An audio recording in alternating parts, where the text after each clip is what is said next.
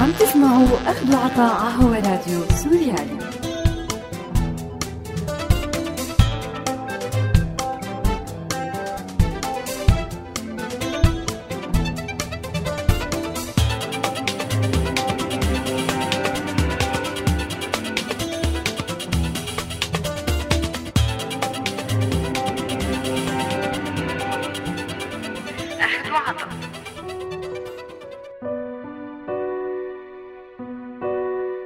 أعزائي المستمعين أهلا وسهلا فيكم برحب فيكم أنا مايا بحلقة جديدة من برنامج أخذ وعطا.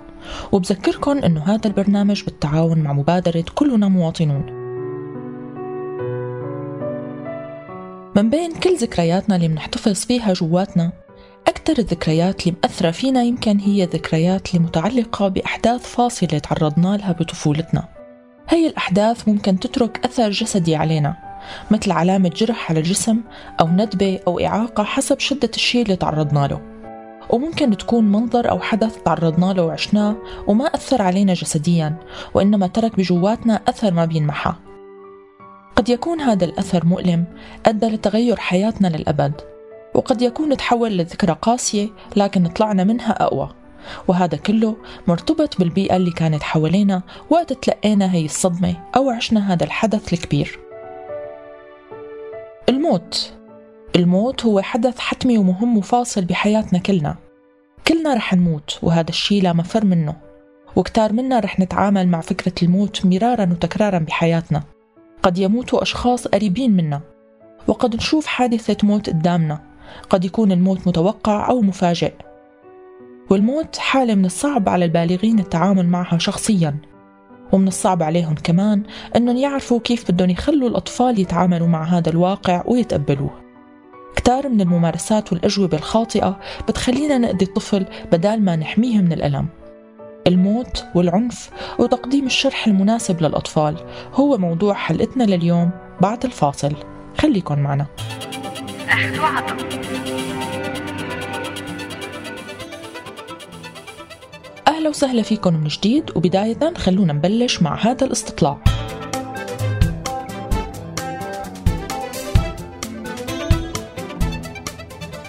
عندك بعيلتك أو بتعرف طفل تعرض خلال السنوات الماضية لحادث أو فقدان؟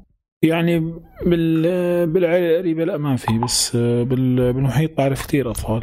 هلأ آه، في ابن أخوي تعرض ل ل ما فيني أقول حادث أو فقدان بس صار في عنده أزمة نفسية فعليا آه، هو عدم وجود الأمان نتيجة الحرب يعني اللي بسوريا ونحن كنا بمنطقة محاصرة. صار يحس بعدم وجود الأمان بعدم وجود الاستقرار. كيف ساعدتهم إنه يتعاملوا مع الخسارة؟ حكيت معهم استعنت بأخصائي. يعني بالبداية حكيت معهم بعدين وقت اللي يعني معظمهم كان بدهم رعاية طبية أو أو أدوية أو شيء يعني. إيه يعني صرت حاول ساعدهم إنه مثلا أخذهم على طبيب حسب استطاعتي يعني. حاولت إنه هدي آه، حط له موسيقى يعني حط له سماعات حط له موسيقى يسمع موسيقى. آه، ما خليه لما نصير اشتباكات ما خليه يسمع هاي الاشتباكات. لما أهله بيحطوا على الأخبار تلفزيون اخذه أنا على جنب وما خليه يحضرها معاهم. طيب شو هي الأسئلة اللي عم يسألوها الأطفال بهي الظروف واللي ما عم تقدر تجاوب عليها؟ أو عندك جواب بس ما عم تقدر تشاركهم فيه؟ يعني وين أبي وين أمي؟ أه بدي أروح على المدرسة. الأسئلة اللي عم بيسألوها بصراحة وين ألعابي؟ وين غرفتي؟ أخذ وعطا الطفل بالحرب بيعاني من كثير من التجارب القاسية لكن من أقصى هي التجارب التعرض لتجربة الموت وخاصة موت أحد الأهل المقربين الأب أو الأم أو الأخ أو الأخت أو حتى الصديق وتعامله مع الموضوع كتير بيختلف بحسب الفئة العمرية اللي بينتمي إلها بالوقت اللي بتكون فيه العيلة مفجوعة بوفاة أحد أفرادها وخاصة بمجتمعاتنا. عادة ما كتير بينتبهوا باقي أفراد العائلة للطفل وردة فعله وكيف لازم تتقدم له الحالة وينشرح له الموت. وهذا الشيء اللي ممكن يسبب للطفل قلق وأزمة ما في إلها داعي ويترك أثر على صحته الجسدية والنفسية الحالية والمستقبلية. بحسب كتير من الدراسات والبرامج الخاصة بالصحة النفسية للأطفال واللي أخذنا عنها معلوماتنا مثل برنامج الصحة النفسية الخاص بورشة الموارد العربية ومراجع منظمة الأمم المتحدة للطفولة. لازم أول شي نعرفه أنه أسوأ شي ممكن نعمله هو أنه نكذب على الطفل. في فرق كبير بين إنه ما نخبره بالتفاصيل المروعة والمزعجة اللي ممكن تسبب له ألم وخوف وبين إنه نكذب عليه بواقعة الموت نفسها. كثار من الأهل بيفضلوا يقولوا إنه المتوفى مسافر أو نايم أو رايح ورح يرجع يوما ما على إنه يشرحوا للطفل إنه مات. والشي اللي بغيب عن ذهن الناس كمان إنه الحداد والحزن بالطريقة المتوازنة والصحيحة عند الكبار هو اللي بيخليهم مثال يحتذى عند الصغار. وبما أنه الحزن والحداد هن جزء من الحياة السورية فنحن مضطرين كبالغين أنه نمارسهم بطريقة ما تأثر سلبا على الجيل الأصغر وما تخلينا ننهار ونفقد السيطرة. وقد يكون هذا واحد من أهم الدروس اللي ممكن يتعلموها الأطفال منا بهي المرحلة إنه الحزن والموت جزء حقيقي وحتمي من حياتنا وإنه مع هيك الحياة بتستمر والإنسان بيقدر إنه يتجاوز المأساة قد ما كانت مؤلمة. من المفيد أنه نعرف بحسب الدراسات والأبحاث النفسية الطفل بيفهم أنه الموت هو أبدي وما في رجعة عنه وبيصير لكل الكائنات الحية بعمر الست سنوات تقريبا. أما قبل فالصورة بتكون مبهمة. ونادرا ما بيفهم الطفل بعمر ثلاث أو أربع سنين شو هو الموت. ممكن ينفهم على أنه نوع من الهجر أو الاختفاء المبهم. أما الموت موت الجسد وانفصال الروح والوعي عنه فبيبدأ الطفل بيفهمه بعمر خمس أو ست سنوات. وممكن كتير من الحوادث المرتبطة بموت حيوان أليف أو حتى حشرة تساهم بتطور هذا الوعي. ومن المفيد أنه الأهل والكبار يحكوا مع الأطفال بهذا العمر عن هذا الشيء. وعن دورة الحياة خاصة إذا كان الطفل عنده حب للمعرفة. ولما يتعرض الطفل لحادثة وفاة حدا قريب منه بتكتر الأسئلة واللي لازم كلها يتجاوب عليها. لكن ممكن تجنب التفاصيل البصرية اللي ممكن تسبب له كوابيس وخوف. كتير غلط إنه ما ينشرح للطفل بوضوح إنه المتوفى مات وما رح يرجع. الأفضل يقوم بهذا الشيء شخص قريب من الطفل الطفل بيرتاح له وبيحبه. ولازم نكون جاهزين لردة فعل الطفل اللي قد تتراوح بين ردات فعل عنيفة أو نوبة البكاء أو أحيانا لوم الذات في حال كان الطفل متصرف تصرف غلط قبل بيوم مثلا. وكل ردود الأفعال هي من الضروري احتوائها وفهمها وشرح أنه الطفل ما له ذنب باللي صار وأنه من الضروري يعبر عن حزنه وأنه هذا الشيء صعب على الكل والحزن حالة عامة بالعيلة بسبب الخسارة والفقدان. من الشغلات اللي لازم نتجنبها ربط الموت بالنوم مثل أبوك نايم مثلا. لأنه هذا الشيء رح يخوف الطفل من النوم والسرير. أو السفر لأنه هذا الشيء رح يلغي فكرة البت باستحالة رجوع الميت. أو أنه الميت بحس وهذا الشيء رح يخلي الطفل يحس بالانزعاج والخوف لفكرة أنه الميت حاسس بوجوده بالقبر أو بردان أو متألم. ضروري أنه نشرح للطفل أنه الميت ما بيحس بشيء وأنه الموت نهائي.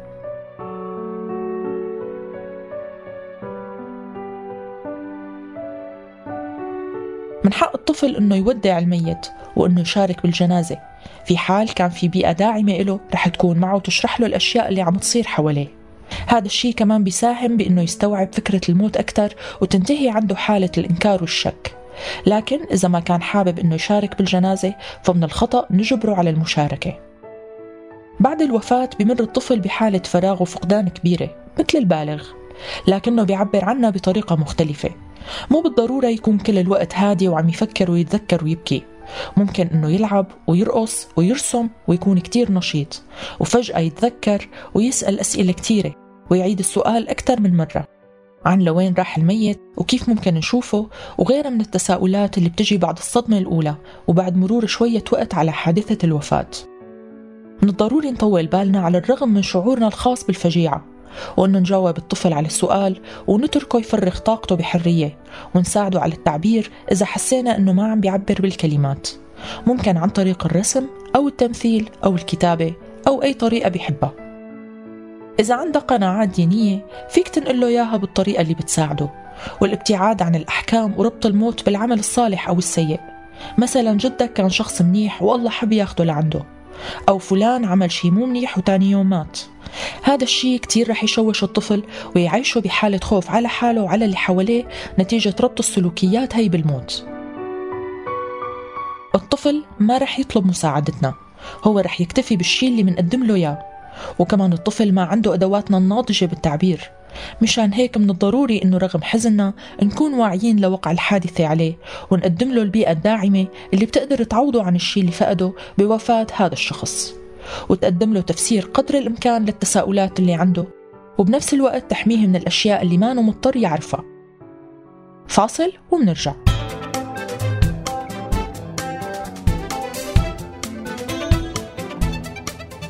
كيف عم تتصرف لتحمي الطفل اللي بعيلتك أخوك أو أختك أو ابنك أو بنتك؟ من مشاهد العنف اللي عم يشوفها. يعني صار العنف حواليك اليوم.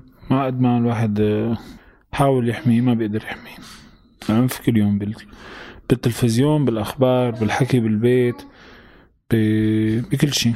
نوعا ما آه، ما عم خليهم يشوفوا أخبار ابدا بيلتهوا بأي شيء خاص بالأطفال. آه، آه، يبعدوا تماما عن عن الأخبار. حتى إذا في حديث من أهلي بدهم يحكوا قدامه لابن أخوي عن عن الأخبار وعن اللي عم بيصير وعن أوضاع البلد ف باخده وبسحبه على جنب وبلهيه بأي شيء. يعني مثل ما عم أقول إنه ممكن مسكوا التليفون ممكن مسكوا التاب ممكن نحط له موسيقى. طيب عم تلاحظ تغير بسلوكيات الأطفال نتيجة تعرضهم لحوادث أو مشاهد عنف بألعابهم بطريقة تعاملهم مع بعض زيادة نشاط أو فرط نشاط أو انطوائية أو ما شابه؟ والله كثير يعني الأطفال يعني صارت صاروا يلعبوا حاجز وصاروا يلعبوا هيك صارت ألعابهم يعني. لاحظت تغيير بسلوكه لابن أخوي لأنه آه، آه، صار عنيف صار عدواني بشكل أو بآخر بيضرب أخته كثير آه آه مرات بيشتم بس إنه بيحاول يفرغ بي بي بالشخص يلي عم بيشوفه أضعف منه مثل أخته الأصغر منه مثلا.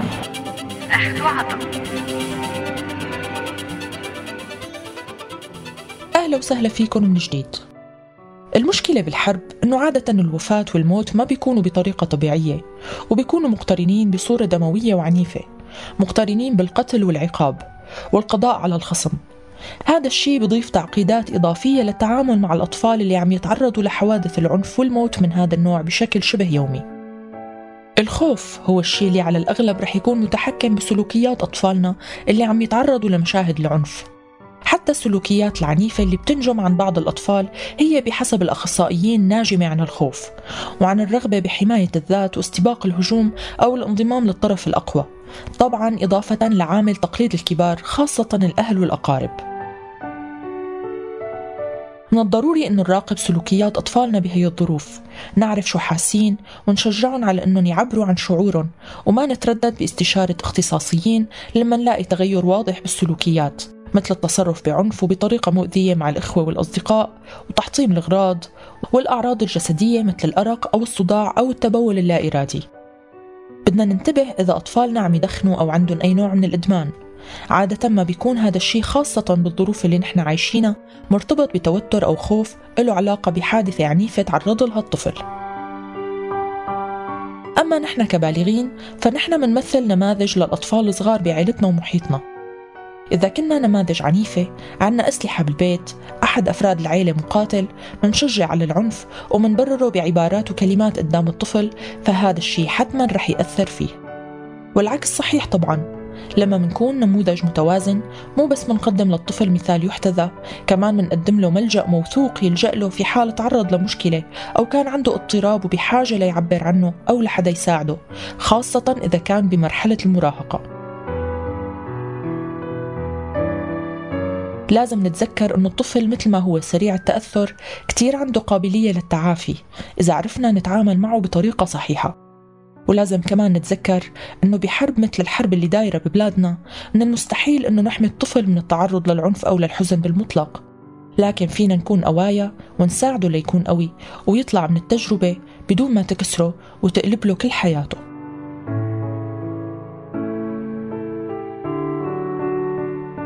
بنهاية حلقتنا أصدقائي أنا بودعكم على أمل أني ألتقي فيكم بحلقة جديدة من أخذ وعطا الأسبوع الجاي. لا تنسوا تتابعونا على موقعنا سوريالي دوت كوم وأرشيفنا دائما بتلاقوه على ال SoundCloud وولفوا عالينا اف ام من هون للأسبوع القادم كونوا بألف ألف خير.